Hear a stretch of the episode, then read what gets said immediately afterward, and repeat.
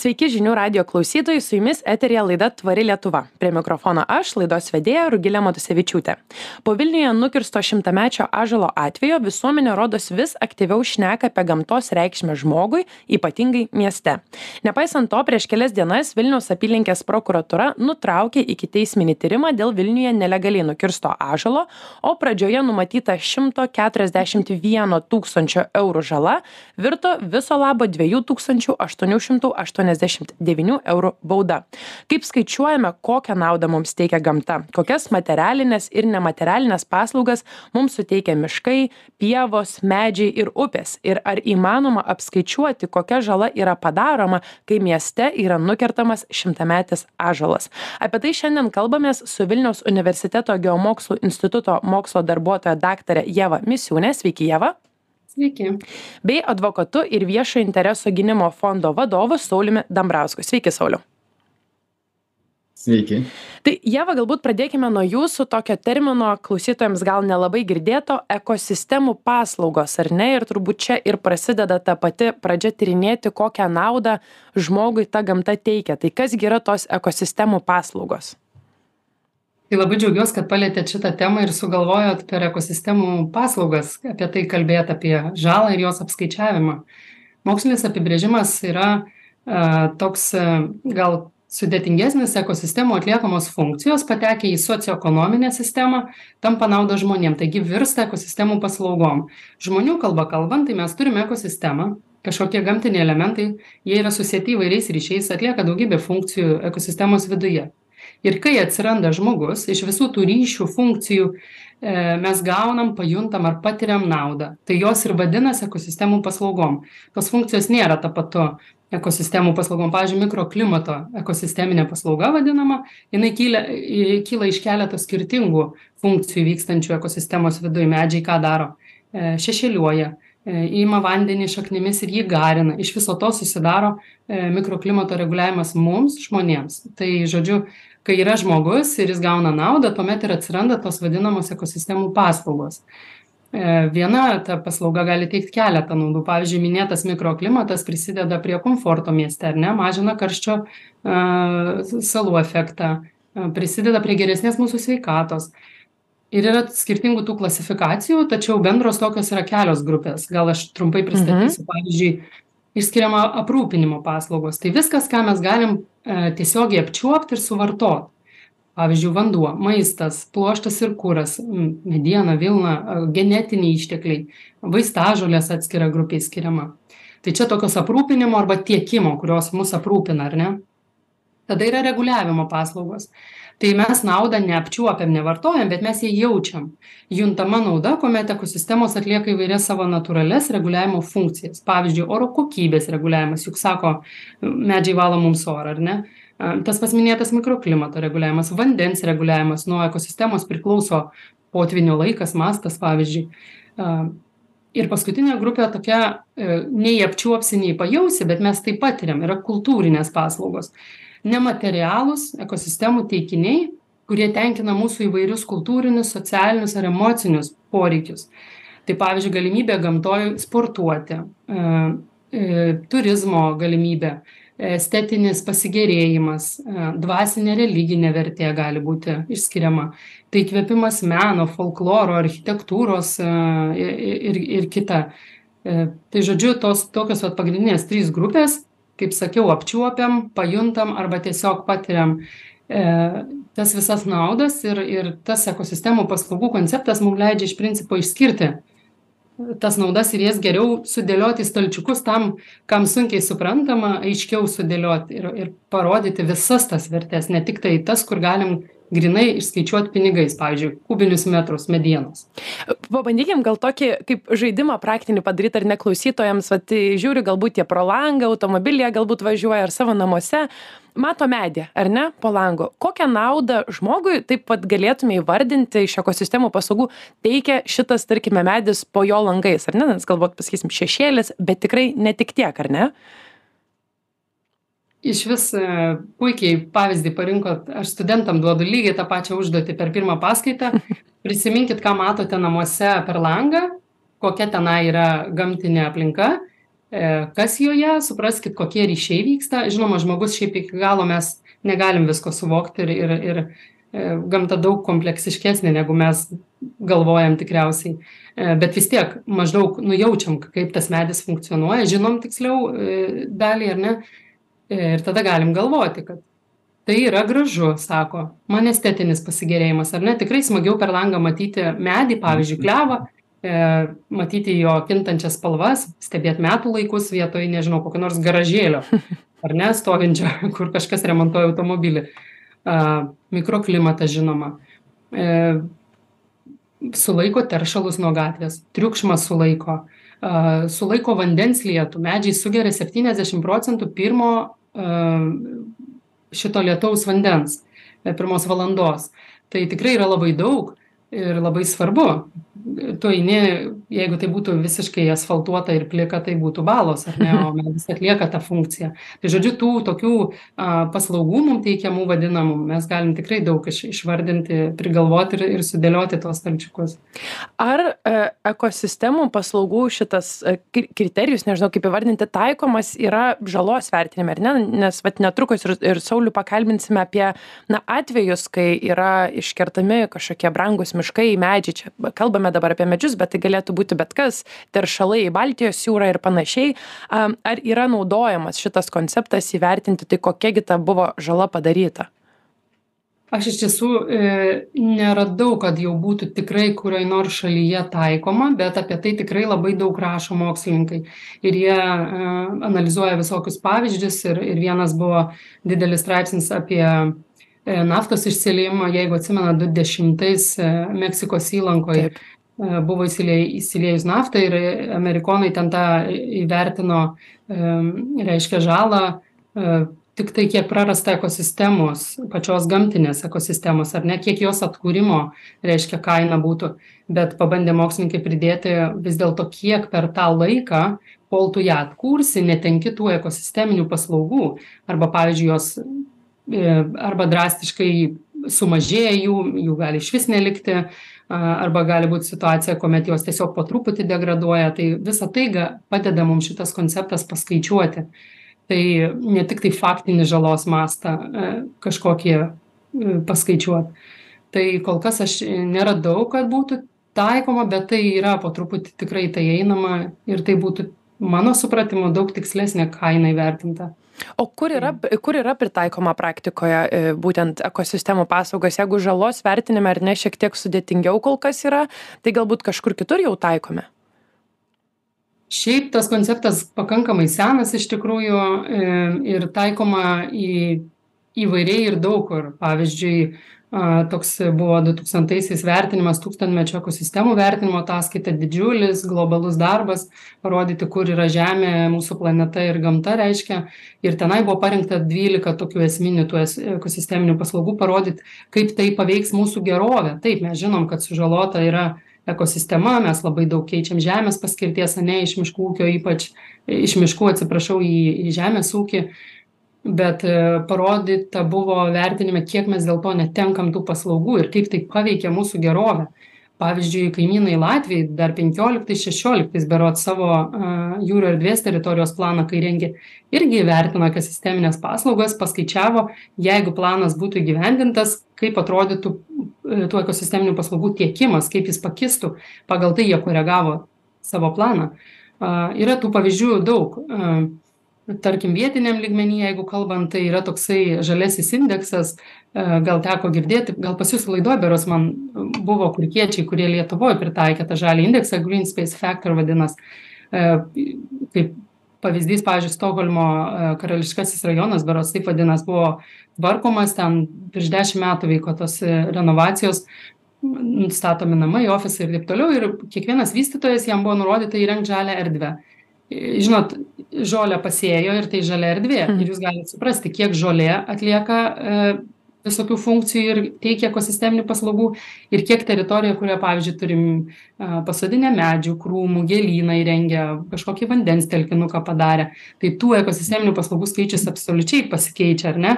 Tai tada jie įvedė tokį vat green space factor tą žalią indeksą ir nurodė surinkti tam tikrą taškų sumą e, pas vystytojus, gali ko, kaip nori jie įrenginėti ir pagal tai parodyti, kokių ekosisteminių paslaugų toj teritorijoje randasi. Tai čia tokie praktikoje tie pavyzdžiai e, iš tikrųjų jau yra naudojama ir, ir gana plačiai. Tai sukuosi jūs, Sauliau, ar ne, e, kaip yra Lietuvoje situacija? Ar jums tenka, na, vis tiek šiuose bylose ganėtinai aktyviai dalyvaujate ir kai, kai ieškau žmogaus, kuris galėtų pakomentuoti tą situaciją Lietuvoje, tai visi vienareikšmiškai sakė, jums reikia su Sauliumi kalbėtis, ar ne? Ar Lietuvoje teisinėje sistemoje mes taikom tas ekosistemų paslaugas, ar svarstome tai kaip faktorių, kad na, turime įvertinti padaromą žalą ne tik iš kažkokios pragmatiškos pusės, bet ir na, tų, tų kitų gamtos mums teikiamų paslaugų? Ne lietuvoj netaikoma.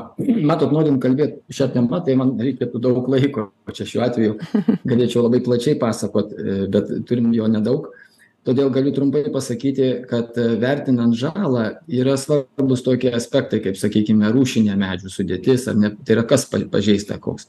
Pavyzdžiui tarkim vertingi medžiai bus e, aukštesnės kategorijos tarkim tokie kaip ginkmedis tulpmedis yra bus aukščiausios kategorijos pavyzdžiui ąžuolas bus trečios kategorijos ir taip toliau tarkim tenais per skroblai jie jie eina žemesnėj kategorijoj ten tuo tuopos žemia žemiausioj kategorijoj atitinkamai nusta nustatomas įkainis vieno e, centimetro skersmens medžio nustatant žalą. Tai vadinasi rūšinė sudėtis turi įtaką. Kitas dalykas tai yra e, kas turi įtaką tai yra augimvietė kur kurioj vietoj auga medis. Jeigu jisai auga tarkim miesto centre tai tokia žala dauginama iš trijų jeigu ten botaniniam kažkokiam elemente, tai jis gali būti net iš, iš penkių dauginamas, atrodo, jeigu gerai pamenu. Ir, ir panašiai. Tai yra, tai yra ta žala didinama atitinkamai. E, taip pat turi įtaką medžio būklė. Tai yra e, geros, blogos medžio būklės, ta prasme, čia šiuo atveju parenkant, išduodant leidimus, kertant medžius. Tai vėlgi tai yra klasifikacija, vadinasi, mes apie konkretų atvejį kiekvieną turėtumėm nagrinėti labai jau uh, E, konkrečiai ir e, šiuo atveju, kada jūs kėlėt klausimą dėl to ažolo, man iškil, iš karto kilo klausimas įdomu, iš kur ten tą 150 tūkstančių ten sugebėjo e, kažkas ieškoti, tačiau mane tai nudžiugino. Pasakysiu, kad tai nėra visiškai akly, akly, tas, kas yra dabar padaryta, tai aš manyčiau, kad tai vėl vienas iš eilinių atvejų, kada rodo, kad institucijos nėra pajėgios apginti tokių E, tokių teisinių santykių ir tam reikalingas visuomenės įsitraukimas. Tai e, visų pirma, e, aš suprantu, kad gali būti va šitos paslaugos vertinamos, jeigu būtų atlikta labai rimta ekspertizė ir šiuo atveju būtų nustatyta atitinkama želdinio vertė. O šiuo atveju šito medžio vertė, kurios neteko visuomenė, žmonės ir panašiai, tai yra ir turtinė ir neturtinė, neturtinė žala gali būt priteisiama jeigu asmuo yra padaręs nusikaltimą nes pas mus įstatymai numato kad neturtinė žala gali būt priteisiama tik įstatyme nustatytais atvejais. Dėl želdinių jinai nenumatyta. Tačiau jeigu būtų e, įrodyta kad tai buvo padarytas nusikaltimas jau nusikaltimu padaryta žala galėtų būt priteisiama ir neturtinė ką aš noriu į ką aš lenkiu? Aš lenkiu į tai kad jeigu mes žiūrime labai primityviai paprastai kaip ir dabar šiuo metu buvo pasižiūrėta kaip aš jau išgirdėjau išgirdau paskutinius skaičius tai buvo paskaičiuoti kvadratiniai centimetrai tai ne kvadratiniai tai yra skersmens centimetrai padauginta iš esamų augimvietės įkainių kainos ir tokiu būdu nustatyta šito medžio vertė. Tačiau va tokios metodikos jos leidžia tiesiog be didelių sąnaudų vertinti bendrąja prasme žalą kada nereikia jos nustatinėti kažkaip ypatingai. Pats principas valstybėje teisėje egzistuoja toks kad žala privalo būti atlyginta visa. Tai reiškiasi kad jeigu kažkas turėtų galimybę investuoti į ekspertizes tai yra ir nustatinėti žalos mastą šiuo atveju savivaldybė tikrai tą pajėgi padaryti tai jinai turėjo pagrindą užsakyt rimtas ekspertizes nustatyt vertę ir atitinkamai individualiai ieškoti to medžio vertę. Ne pagal metodikas bet pagal individualų paskaičiavimą. Tai būtų nauja praktika tačiau manau kad jinai sėkminga jinai yra galima. Tai vienas dalykas. E, kitas dalykas aišku tai yra prokuratūros požiūris. Kada mes kalbam vat jūs sakote kad yra nutrauktas ikiteisminis tyrimas. Vėlgi pasižiūrėta be galo primityviai o jūs man pasakykit ar viešoji tvarka buvo pažeista nukertant tą medį tai yra ar tai ga ar mes galime vertinti kad tai buvo atlikti veiksmai kurie šokiravo visuomenę papiktino ją daugeliu žmonių teisingai. Vadinas netgi viešosios tvarkos pažeidimo straipsnis kuris yra baudžiamojoj teisėje jis gali būti taikomas ir jisai šiuo atveju turėjo būti taikomas. Tačiau greičiausiai e, prokuratūra pasižiūrėjo vėl tokia labai supaprastinta supaprastintu būdu per tarkim tam tikrus beje dar vienas yra straipsnis kuris skamba aplinkos apsaugos arba gamtos išteklių naudojimo taisyklių pažeidimai. Vadinas tai yra kadangi tai yra gamtos ir aplinkos ištekliai vis tiek tai yra nukirstas medis šiuo atveju tvarka buvo pažeista ir padaryta didžiulė žala. Vadinas pagal vertę kadangi tai yra didelė žala galima buvo pritempti abu straipsnius ir juos taikyti. Šiuo atveju tai yra taikoma ir juridiniam asmeniui esant baudžiamajai atsakomybei atsiranda galimybė ieškoti ir neturtinę žalą vadinas atlikus rimtą ekspertizę galima savivaldybė yra pajėgi formuoti tokią bylą ir šiuo atveju tokį vystytoją iš tikro realiai nubausti. Tačiau, ką mes kalbame vėl, reikia suprasti, kaip ta atsakomybė yra. Baudžiamoji atsakomybė yra, tai yra valstybė persikioja asmenį, kuris padarė nusikaltimą. Ir yra civilinė atsakomybė, tai yra žalos atlyginimas, tai yra tas pats žalos atlyginimas gamtai. Tai šiuo atveju, jeigu tu kažkas tai trenkia kažkam į nosį, jam, ją, žodžiu, išmušė dantį, tai jisai ne tik yra atsako pagal baudžiamąjį straipsnį taip bet jam tiesiog yra pareiga ir atlyginti danties atstatymą žmogui lygiai tas pats su tuo medžiu. Tai šiuo atveju tai e, čia kada jūs kalbėjote apie nubaudimą ir baudos dydį aš išvis nustebau nes tokių baudų negali būti vadinas tai greičiausiai buvo kažkokia interpretacija apie žalos atlyginimo būdą. Tačiau jis kaip matau pasirinktas yra netinkamas ir šiuo atveju eilinį kartą yra problema nugesinta. Problema štai kur aš matau. Deja aš matau didžiausią problemą tai kad net advokatų nuomonė jau o tai nėra gerai kad teismai yra valdžios institucijų įteisinimo galios instrumentas tapęs čia yra blogai nes tiek visuomenė tiek net mes profesionalai nebepasitikim teismų e, teisingumo vykdymo funkcija ypač santykyje su valdžios institucijomis. Ir vat štai šiuo atveju e, kur yra didžiausia problema tai yra tai kad visuomenė kokia yra teismų po pozicija vat šiuo metu aš jum galiu atvirai pasakyt kaip jų jų jų nuomonė yra apie viešo intereso gynimą. Jie nepripažįsta teisės nei privatiems nei juridiniams asmenim ginti viešą interesą. Ir jie atvirai kartoja nuolatos savo teismų praktikoje kad tam yra sukurta e, žodžiu valstybė numatė kad tai turi atlikti profesionalai. Nu šiuo atveju oponuojama į tai kad tai yra prokuratūros pareiga ginti viešą interesą. Todėl kiti to daryt negali. Tarsi privatus asmuo samdydamas advokatą turi neprofesionalą teisininką. Tai yra nonsensas. Tačiau esmė yra tokia kad viešasis interesas yra tai kas apima mus visus ar ne? Tai yra oras mūsų gerbūvis miškai ir taip toliau. Tačiau jeigu jūs kreipsitės į teismą dėl vat šiuo atveju šito medžio tai teismas atsisakys priimti jūsų ieškinį net jeigu jūs bandysite tarkim investuoti į tokį bylinėjimąsi ir jis nurodys kad jūs turite įrodyti kad tai jums buvo išduotas leidimas arba kad tai jums priklauso tas medis arba kad Mhm. jūs tiesiogiai ribojate su teritorija su tuo medžiu ir panašiai.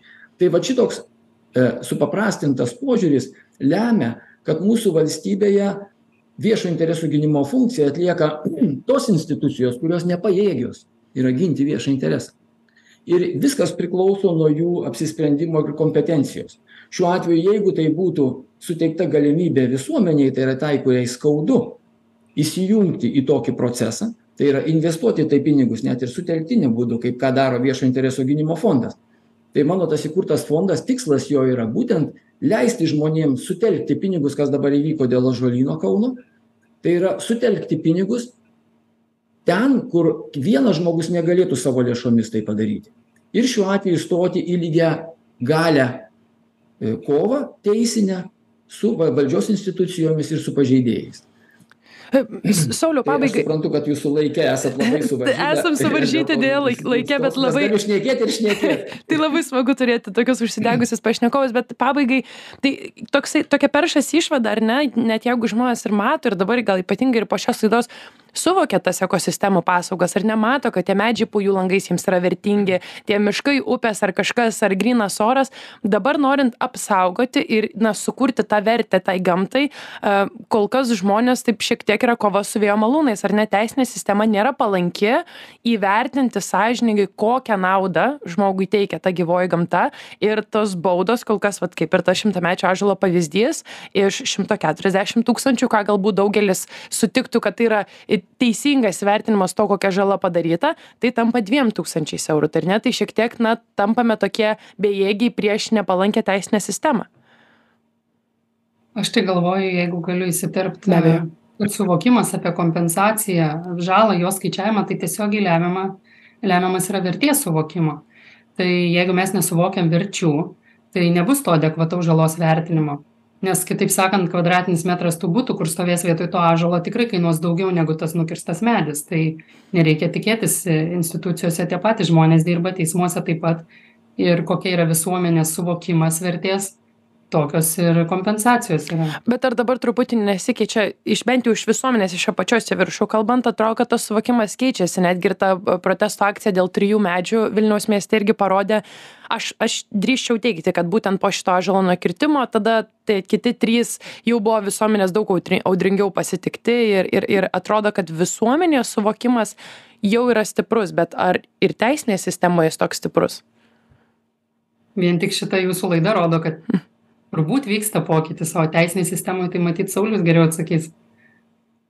Teisinėje sistemoje matot pokyčiai vyksta bet jie yra labai lėti labai lėti. Ir šiuo atveju tai be galo daug priklauso nuo teismų e, nuo teismų galbūt ir mentaliteto teisėjų mentaliteto aš manau kad žinoma vat tą aš ir darau. Tai yra nuolatinės bylos jos leidžia po mažą žingsnelį žengti į priekį ir tas pripažinimas tarkim ginti viešą interesą jis po truputėlį lyg tai skleidžiasi. Bet jeigu šitoje vietoje būtų įteisinta šita teisė e, aš tiktai apgailestauju dėl vieno dalyko kad teismas atsisako tapti to teisingumo vykdymo įrankiu nes pagrindinė teismų dabar funkcija kaip aš visad sakau devyniasdešim penkis procentus pastangų teismas padeda tam kad jis nespręstų klausimų. Ypač jeigu tai yra susiję su viešo intereso gynimu. Jis pirmiausia padės visas pastangas visus kliuvinius bandys išnaudoti kiek tik įmanoma kad byla nepasiektų nagrinėjimo pažeidimo paties nagrinėjimo. Čia yra didžiausia problema. Tačiau teismas pagal konstitucija yra teisingumo vykdymo įrankis o jis tampa valdžios galių įteisinimo įrankiu tokiu būdu ir va čia yra kaip aš sakyčiau sakau pats skausmiau skausmingiausias dalykas. Tačiau nu po truputėlį po truputėlį kiekviena byla keičiasi. Aš vienintelį ko tik gai gailiu kad teismas yra galinga institucija ir jeigu jinai jinai turi galimybę prisiimti tas funkcijas kurios jai paskirtos konstitucija. Ir įstatyminės galios jai yra visiškai atviros. Tą ką dabar teismas daro su interpretacijomis tai yra neteisinga tai yra teismai pagrindinė principas yra kur kur glūdi. Teismai įsitikinę kad e žmogui suteikta teisė kreiptis į teismą atkreipkite dėmesį tiek administracinis tiek civilinis teismas kalba ir nuolatos pabrėžia tai kad žmogus turi absoliučią teisę kreiptis į teismą ten ir taip toliau. Kažkada sakydavo kad ne absoliučią dabar jau lyg pripažino ir absoliučią teisę. Tačiau prieina prie to kad įstatyme parašyta jis ten parašyta taip kad asmuo turi teisę kreiptis e, e, žodžiu dėl e, savo pažeistos teisės ta prasme. Ir jie visą akcentą sudeda ne į asmens teisę kreiptis į teismą bet į tai kad parašytas žodelis savo. Dėl jo pažeistos teisės. Ir šiuo atveju net ir orhso konvencijos vertimas į lietuvių kalbą šitoj vietoj padaro klaidą. Aš jau tą esu ne kartą atkreipęs dėmesį.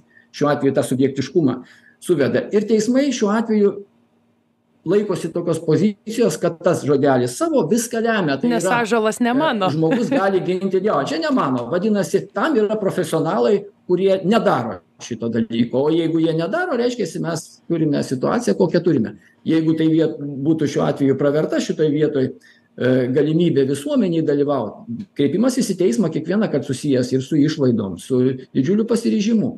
Tai ne kiekvienas kreipiasi. Čia žmonės ne šiaip kiša pagalius sakykime projektuotojams ir visa kita. Vadinasi jie turi pasiryžti jiem iš tikro turi skaudėti jeigu jie kreipiasi į teismus. Tai šiuo atveju teismai vien nustatę viešo intereso pažeidimo faktą privalėtų nesvarbu kas kreipiasi į teismą jie tiesiog privalėtų prievartos tvarka įtraukti prokuratūrą į tokią bylą pasiūlyti įsitraukt prokuratūrai jeigu jie patys konstatuoja kad tai yra viešo intereso pažeidimas. Tai atitiktų teisinę logiką. Ir nagrinėt bylą nesvarbu kas kreipėsi dėl to nes tai kas yra viešas interesas tai liečia absoliučiai visus mus. Tai yra ne vieną asmenį ne du ne trys bet daugelį mūsų. Lygiai tos vat pačios saugomos teritorijos ir jų neteisėtas naikinimas. Lygiai taip pat vandenų e, užteršimas ir taip toliau ir taip toliau taip. Labai gaila deja laida jau atėjo į pabaigą manau dar galėtume ilgai diskutuoti ir galbūt prie šios temos bus dar proga grįžti. Klausytojams primenu kad eteryje girdėjote laidą tvari lietuva ir šiandien kartu su vilniaus universiteto geomokslų instituto mokslo darbuotoja daktare ieva misiūne bei advokatu ir viešo intereso gynimo fondo vadovu sauliumi dambrausku kalbėjome kaip yra skaičiuojama materialinė nematerialinė gamtos nauda žmogui kaip skaičiuojamos baudos už nukirstus tarkime šimtamečius ąžuolus e, sostinės centre ir panašiai. Na na o klausytojams primenu kad jeigu jums įdomios tokios ir panašios temos visada daugiau informacijos rasite www taškas tvari lietuva taškas lt dėkoju jums už pokalbį